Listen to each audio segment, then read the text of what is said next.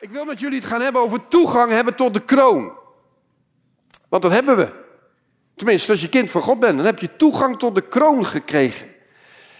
En vandaag de dag maken we ons heel erg druk om die coronatoegangspas. En jullie weten allemaal, corona betekent ook kroon.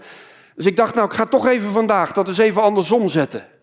En we zijn niet bezig met die ziekte, die, die ze kroon hebben genoemd. Hoe apart is dat?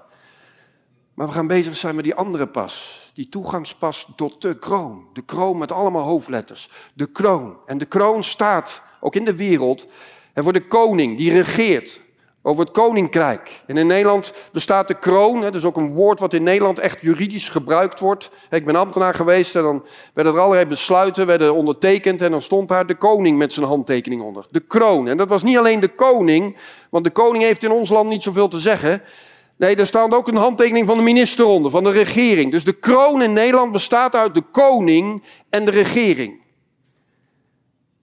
Maar wij hebben een toegangspas gekregen tot de kroon. Die bestaat uit Vader, Zoon en Heilige Geest.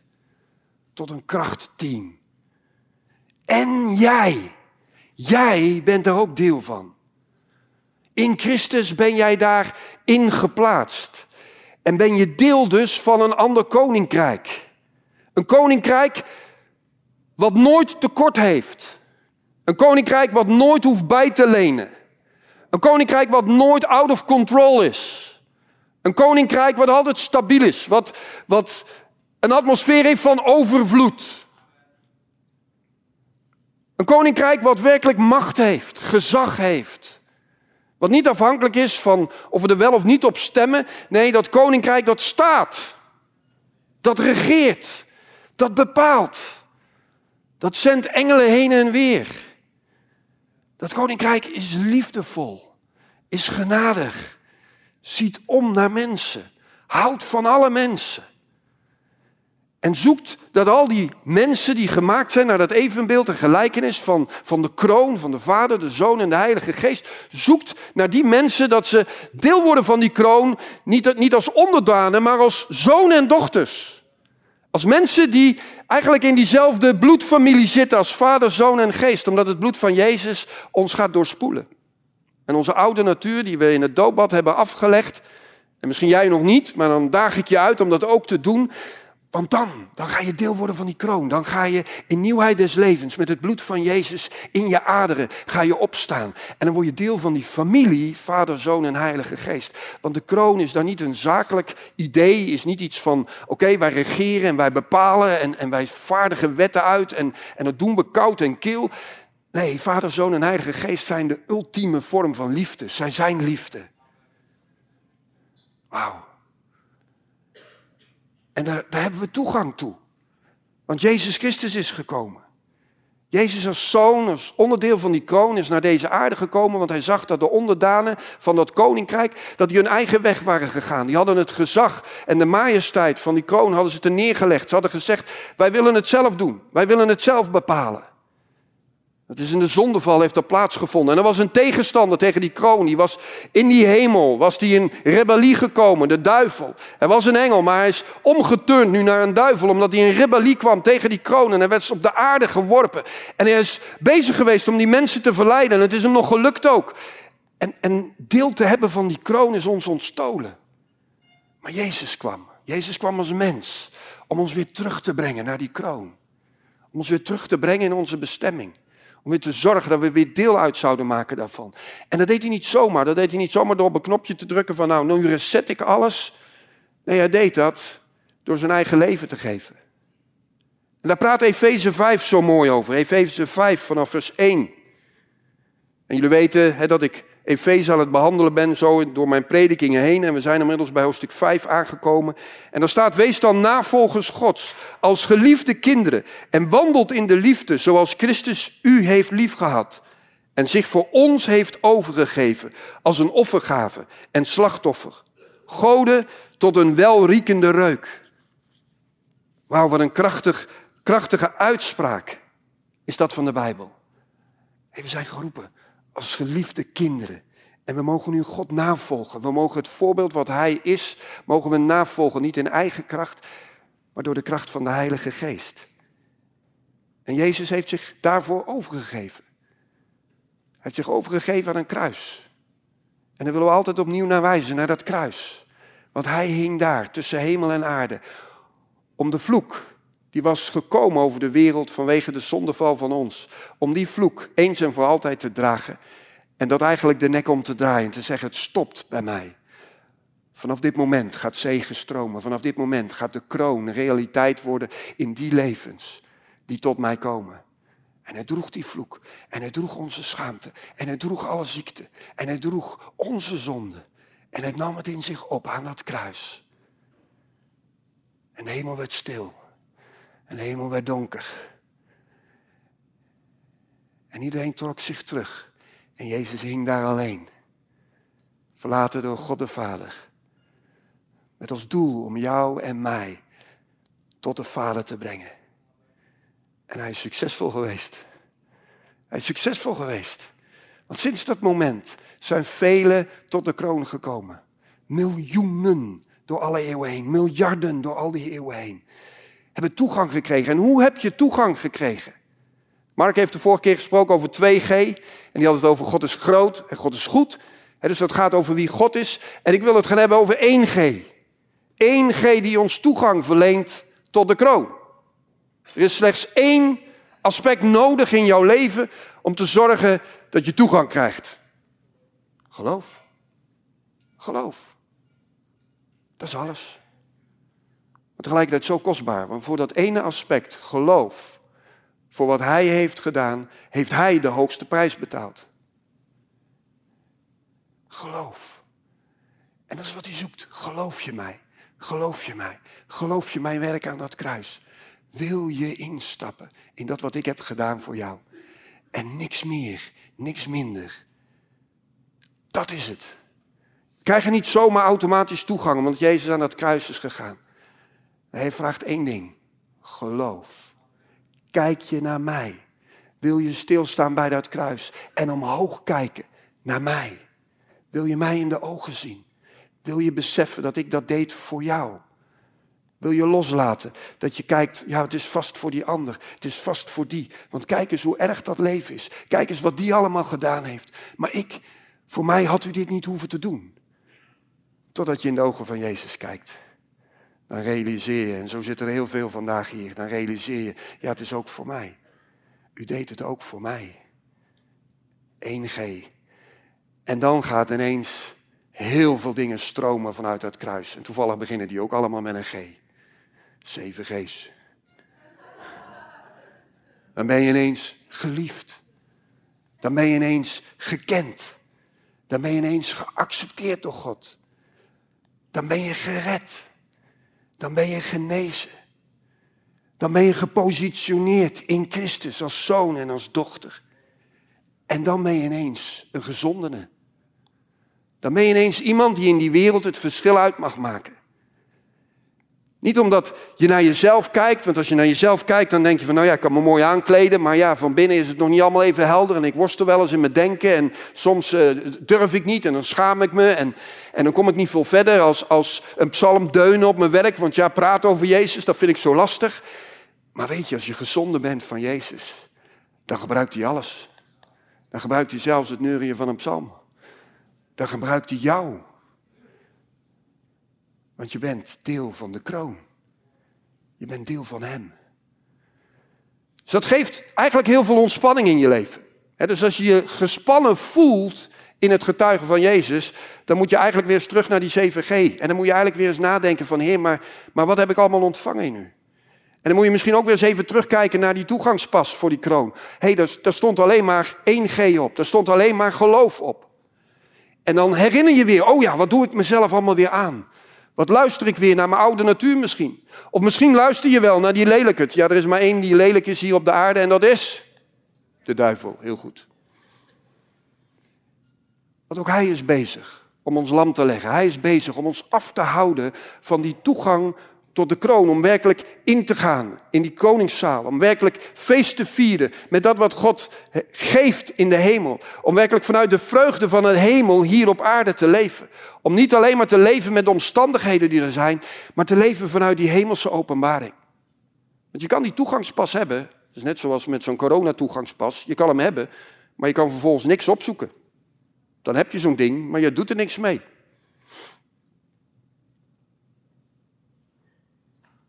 En dat kan ook met de toegangspas naar de kroon. Je kan hem hebben, maar je kan er niks mee doen. En die moet even landen bij ons. Je kan hem hebben, maar je kan er helemaal niks mee doen. En dan heb je hem. En dat is mooi. En dan kan je hier op zondag komen en dan kan je zeggen, ik heb hem. En dan kan je hem laten zien bij de ingang. Misschien moet de ordendienst dat voor dan doen. Hey, heb je toegangspas voor de kroon? Ja, ik heb hem. Maar je hebt er niks mee gedaan. Ja, je zet hem misschien even hierin. En dat is mooi en dat is goed. Maar er is zoveel meer te behalen als je hem gaat gebruiken in de wereld om je heen. Als je daarvan je laat horen, als je daar je laat zien. 1G, geloof. En dat is helemaal niet zo makkelijk geloof. Want geloof vraagt van jou ook overgave. Geloof vraagt van jou ook erkennen dat Jezus het antwoord is. Wij denken wel eens geloof is heel simpel, of je hart aan Jezus geven is heel simpel. Maar eigenlijk is het, is het echt een moment van, ik geef me over nu aan u. U komt binnen in mijn leven. En dat is best wel een ding. En ik wil jullie meenemen naar een verhaal in de Bijbel, naar hoe Jezus omgaat met een Canaanese vrouw in Matthäus 15 vanaf vers 21. Een heel apart verhaal. En ik ben blij dat Jezus het doet en niet een van zijn discipelen. Want anders had ik die discipel direct afgeserveerd van zo ga je niet met mensen om. Jezus, dit kan toch niet, wat Petrus nu doet. En hadden kunnen wijzen naar Petrus. Ja, het is Petrus weer, die het niet begrepen heeft. Maar dit vraagt gaat over hoe Jezus met mensen omgaat. Hoe Jezus met die Canaanese vrouw omgaat. En ik geloof dat we daar lessen uit moeten leren. Ik geloof dat we dat mogen spiegelen aan onszelf, dit verhaal. Laten we eerst maar eens het helemaal lezen, vanaf vers 21. En Jezus ging vandaag en trok zich terug naar de omgeving van Tyrus en Sidon. En zie, een Canaanese vrouw uit dat gebied kwam en riep, heb medelijden met mij, Heere, zoon van David. Mijn dochter is deerlijk bezeten. En Jezus echter antwoordde haar geen woord. En zijn discipelen kwamen bij hem en vroegen hem, zeggende, zend haar weg, want zij roept ons na. Hij echter antwoordde en zeide, ik ben slechts gezonden tot de verloren schapen van het huis Israëls. Maar zij, die Canaanese vrouw, kwam en viel voor hem neer en zeide, Heere, help mij. Hij echter antwoordde en zeide, het is niet goed dat het brood der kinderen te nemen en het de honden voor te werpen. Maar zij zeiden, zeker heren, ook de honden eten immers van de kruimels die van de tafel van hun meesters vallen. En toen antwoordde Jezus en zeide tot haar, O vrouw, groot is uw geloof, u geschieden gelijk gij wenst. En haar dochter was genezen vanaf dat ogenblik. Is toch apart, hè? Jezus trekt zich terug uit het land Israël. Trekt zich terug naar een gebied daaromheen. Waar geen Joden wonen. Waar de heidenen wonen. Blijkbaar had hij behoefte aan een moment van rust. Even los van zijn dienen in dat volk Israël. Even los van al dat gedoe waarin aan hem getrokken ook werd en hem, hij vaak ook niet begrepen werd. En heel veel wonderen deed. En mensen hem navolgden. Vanwege de wonderen, maar niet zozeer vanwege wat hij zei, van wat hij is. Want er waren ook velen die afhaakten op het moment dat Jezus zei: Je hebt pas werkelijk leven als je mijn lichaam eet, als je mijn bloed drinkt. Dan pas komt er leven in je leven. Je zal het met mij echt ten volle moeten doen. En, en dan haakten er velen af. Ze wilden wel iets ontvangen van Jezus, maar ze wilden niet Jezus zelf ontvangen. We weten niet precies wat hem dreef om naar dit gebied te gaan. Maar we weten wel dat, dat de Bijbel heel duidelijk zegt dat Jezus niks deed zonder dat hij het de Vader had zien doen. Dus hij ging niet zomaar naar dat gebied. En dan is daar een vrouw. Een Canaanese vrouw. En ze heeft gehoord over Jezus. Het verhaal van Jezus, het getuigenis van Jezus is verder gegaan als het Joodse gebied. Is over de grenzen heen gegaan. Is zelfs naar de andere volken daaromheen gegaan. En zij hoorden dat geluid. En zij hoorden over wie hij is. En het geeft haar een stoutmoedigheid en een vrijmoedigheid om van grote afstand te gaan roepen naar Jezus. Want er is een nood in haar leven. Niet eens in haar eigen leven, maar in het leven van haar dochter. Ze is niet eens bezig met zichzelf, ze is bezig met haar geliefde kind. En ze ziet hoe dat kind bezeten is. Ze onderscheidt de geestelijke wereld. We leven in een tijd waar dat heel weinig nog maar gedaan wordt. Maar zij had onderscheiding. Zij zag, dit is een demonische oppressie. Dit is niet normaal. Dit komt uit het geestelijke duistere rijk. En dit wil ik niet. Dit accepteer ik niet.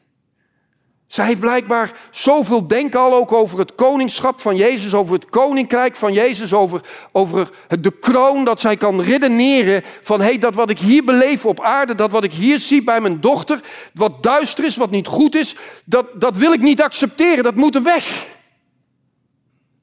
Het raakt haar, het zet haar hele leven in een drive om verandering te krijgen. Ze heeft honger, ze heeft dorst naar verandering. En dat brengt haar ertoe zonder schaamte, zonder angst, luidkeels te roepen naar Jezus. Jezus heeft medelijden. Ik wil dat dit alleen al je triggert. Dus ik zegen je daarin. Raakt dit je? Raakt dit je? Voel jij zo ook de bewogenheid van God over de nood van deze wereld? Over elk mens wat op je pad komt, waarin we zien de gebrokenheid. Jullie kennen ons jaarthema. Leven van overvloed, een overvloedig leven in een gebroken wereld. We leven in een gebroken wereld die gebukt gaat onder zonde, die gebukt gaat onder het rijk der duisternis. Heer, waarin de Satan kan woelen en kan tieren en zijn gang kan gaan. En hij allerlei rechten krijgt van mensen, zodat hij nog meer van zijn bolwerken kan bouwen. En mensen gaan eraan onderdoor. Maar deze vrouw kijkt daarnaar en ze zegt: Ja, maar dit is het niet. Dit pik ik niet. Dit wil ik niet. En ze staat op. En ze loopt naar Jezus. En ze ziet hem al van verder. En begint te schreeuwen, begint te roepen. Ze wacht niet af of Jezus toevallig bij haar langs komt. Nee, ze gaat naar hem toe. Ze wacht niet af of er iemand zich uitstrekt naar haar. Nee, ze rent naar hem toe. Dat zegt iets over haar hart. Dat zegt iets over dat ze begrip hebt over, over wat, wat er is en wat het kan zijn. En ik geloof dat de, dat de Heilige Geest dit ook naar ons als kerk spreekt. Ook naar ons als gelovigen spreekt. Hey, waar rennen wij nog voor? Waar hollen wij nog voor? Waar roepen wij nog voor? Wat raakt ons nog zo dat we er ons niet voor kunnen schamen als mensen daar misschien wat van vinden? Als ze die zeggen, doe normaal joh, doe rustig, wacht op je beurt. Wie denk je wel dat je bent? Hé, ik kom niet voor mezelf, ik kom voor die nood. En dan gebeurt er iets aparts. Ze roept naar Jezus. De man van God, God zelf. De redder, de verlosser, de koning, de vertegenwoordiger van het koninkrijk van God. Die gekomen is om leven en overvloed uit te gieten. Hij zwijgt. Hij zegt niks. Iemand roept er luid. En Jezus roept niet luid terug. Nee, hij antwoordt met stilte. Dat is een ding, hè? Dat is even wat. God is even stil. God is even stil. En dan gaan de discipelen spreken. En heel vaak gaat dit verhaal alleen maar over die vrouw. Maar let eens op wat de discipelen doen. Jezus is stil. En de discipelen gaan praten. De discipelen zeggen, zend haar weg, want zij roept ons na. De discipelen die kijken naar Jezus die stil is. En die trekken hun eigen conclusie. Oh, Jezus wil niks doen. Maar zij blijven roepen. Dat is vervelend. En we zitten hier ook in een gebied waar we kwamen om uit te rusten. We zitten niet in een gebied om die vrouw te helpen. Ze is niet eens een Jood. Dus zij spreken, zend haar weg. Je hoort bijna dat andere verhaal. Laat het vuur erop vallen. Een vervelende vrouw. Ik geloof dat Jezus stil is om twee redenen. Hij wil het geloof van die vrouw beproeven, zodat er volharding uitkomt. Maar hij wil ook naar boven krijgen wat er in de discipelen aan de hand is.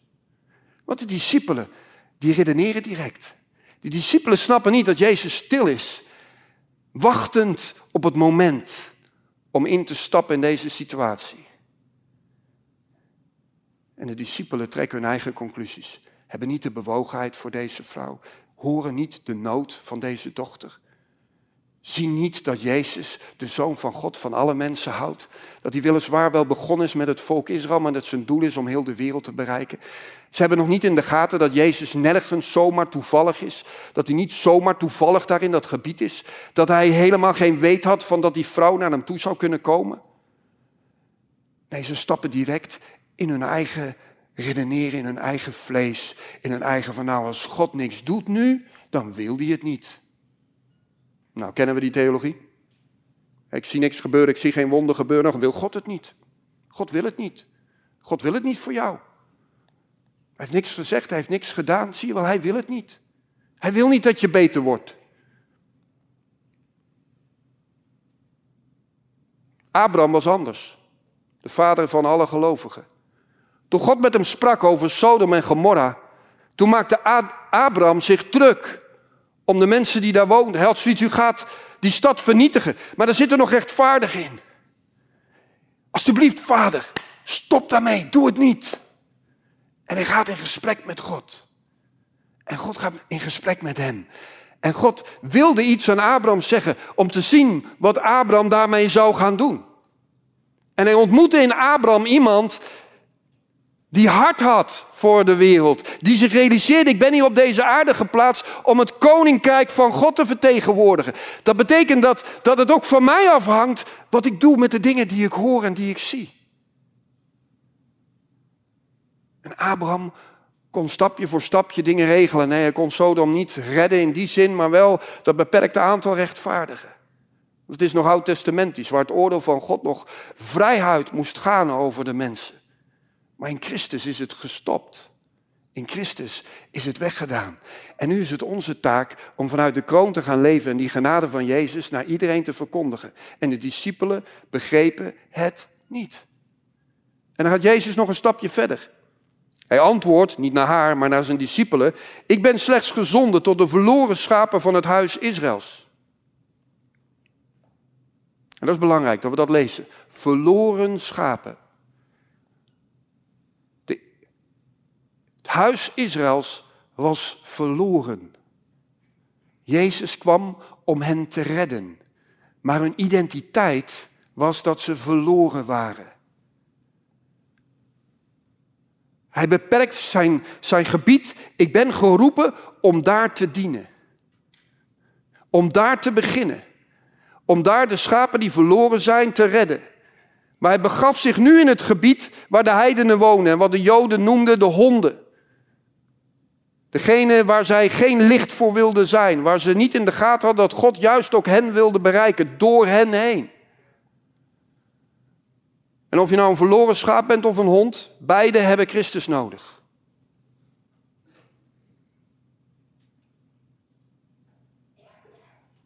En die vrouw komt dichterbij. Die vrouw geeft niet op. In dit gesprek is ze ineens aan de voeten van Jezus. Ligt ze voor hem neer. Neemt ze de laagste plaats in. En begint ze opnieuw om hulp te vragen. Omdat ze honger heeft. Omdat ze dorst heeft. Omdat ze verandering wil. Zoals een moeder dat voor haar kind wil. En ze spreekt opnieuw. Help mij. En dan zegt Jezus, eigenlijk naar de discipelen toe dan zegt hij die rare zin. Het is niet goed dat het brood der kinderen te nemen en het de honden voor te werpen. En allerlei commentaren proberen dat te nuanceren van nou het zijn hondjes, hè, dan worden het ineens van die lieve beestjes. Maar Jezus haakt aan op dat wat de Joden zeggen. Dit zijn honden. En Jezus haalt dat aan. De discipelen horen hem zeggen dat wat zij denken, dat wat wij, zij zeggen op andere terreinen van hun leven. En Jezus herhaalt dat. En hij zegt, ik kan niet het brood van de kinderen nemen en dat nu aan de honden geven. En die vrouw hoort dat en weet dat er zo over haar gedacht wordt en dat er zo over haar gesproken wordt. Over het Joodse volk waar Jezus deel van is, want hij is ook een Jood.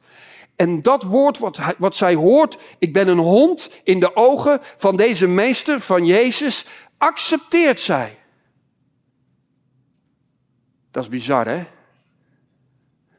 Als het een Hollander was geweest, was hij op dat moment was, was hij van de vloer opgestaan en hij had gezegd, wat, wie ben jij? Hè?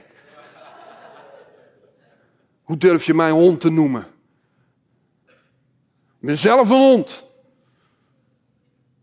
Als Jezus iets spreekt, hij is de waarheid, dan kom je ineens tot besef, ja, ik ben net zo verloren als die verloren schapen. Ik ben een zondaar. En dat is ook gewoon wat Romeinen natuurlijk vertelt. Hè? Romeinen spreekt daar duidelijk over. Niemand is rechtvaardigd, ook niet één. Er is niemand die verstandig is, niemand die God ernstig zoekt. Allen zijn afgeweken, tezamen zijn zij onnut geworden. Er is niemand die doet wat goed is, zelfs niet één.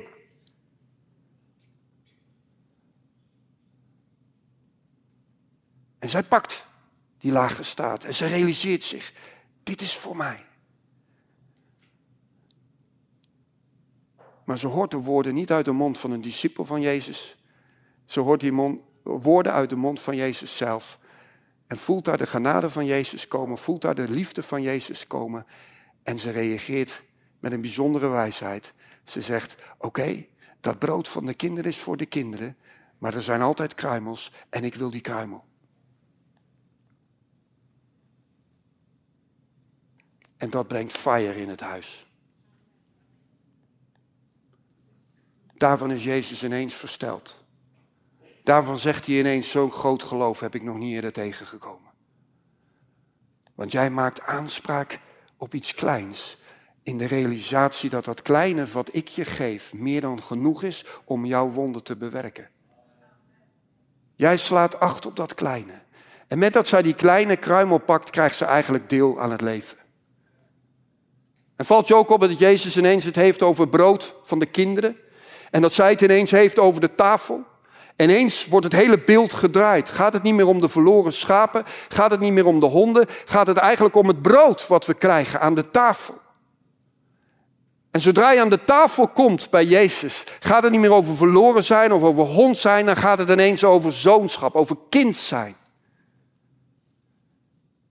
Zij gaat van die lage plaats, eigenlijk door die kruimel te eten, gaat zij ineens aan die hoge plaats, aan de tafel en ontvangt het leven van Jezus. En haar dochter wordt vrijgezet. Bam, op hetzelfde moment. En die is genezen. In een triljoenste van een seconde. Omdat haar geloof zich hecht aan dat wat Jezus zegt. En de discipelen staan erbij en die kijken, wij, wij hebben iets gemist. Wij begrijpen hier helemaal niks meer van.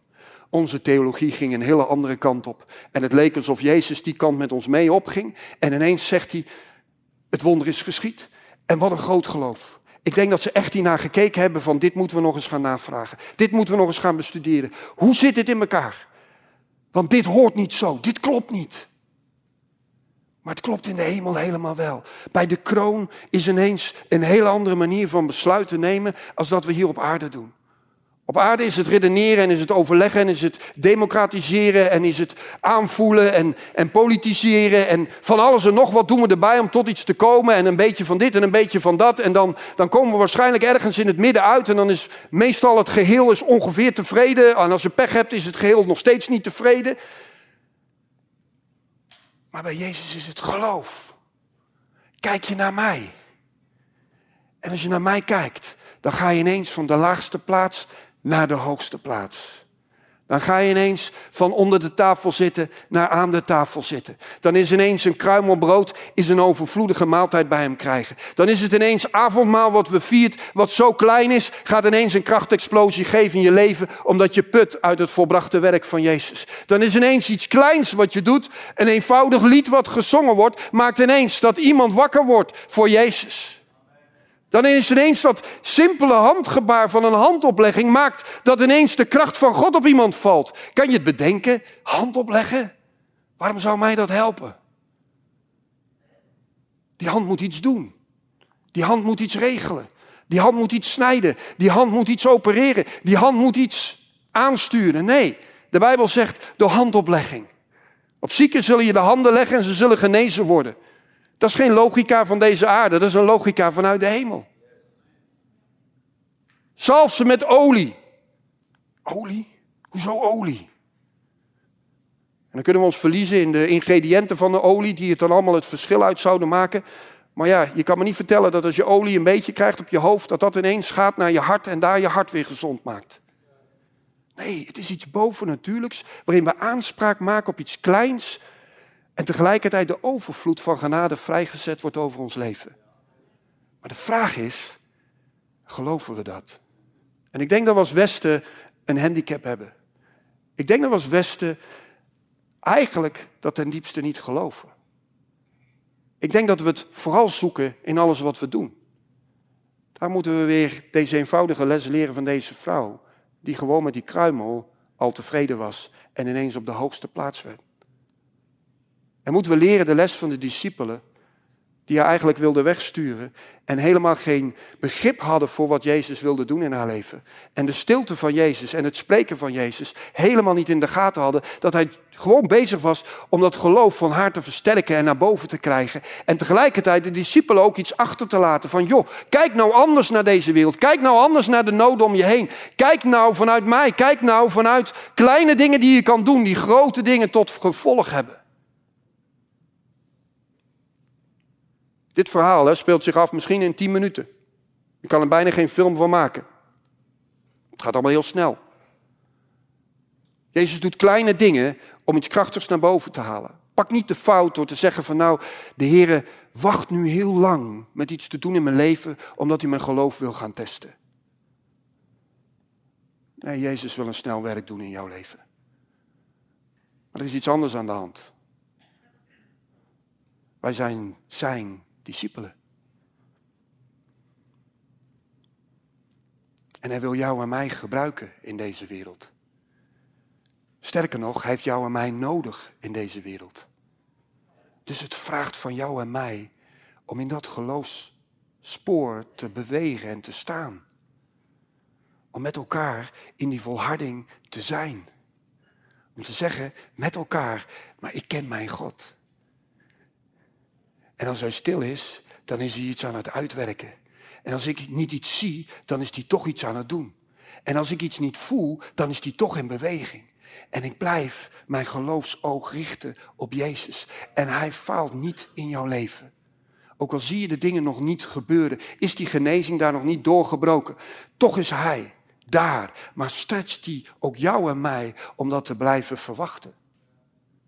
En ik denk dat we daarin mank gaan. Ik denk dat we daarin mank gaan. Ik denk dat als we iets niet zien gebeuren, dat we zoiets hebben, nou dan wil God het niet.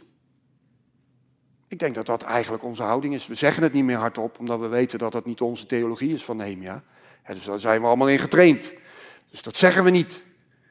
Maar we gedragen ons er wel naar. Want we stoppen met bidden voor bepaalde personen.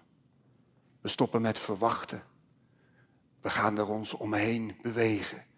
Of we gaan afstand nemen. We bezoeken mensen niet meer, want het is te moeilijk. We trekken ons terug. In plaats van dat we ons tonen. We hebben met in het 4 track hebben we naar een aantal opwekkingen gekeken in de geschiedenis. En weet, weet je wat ons opviel?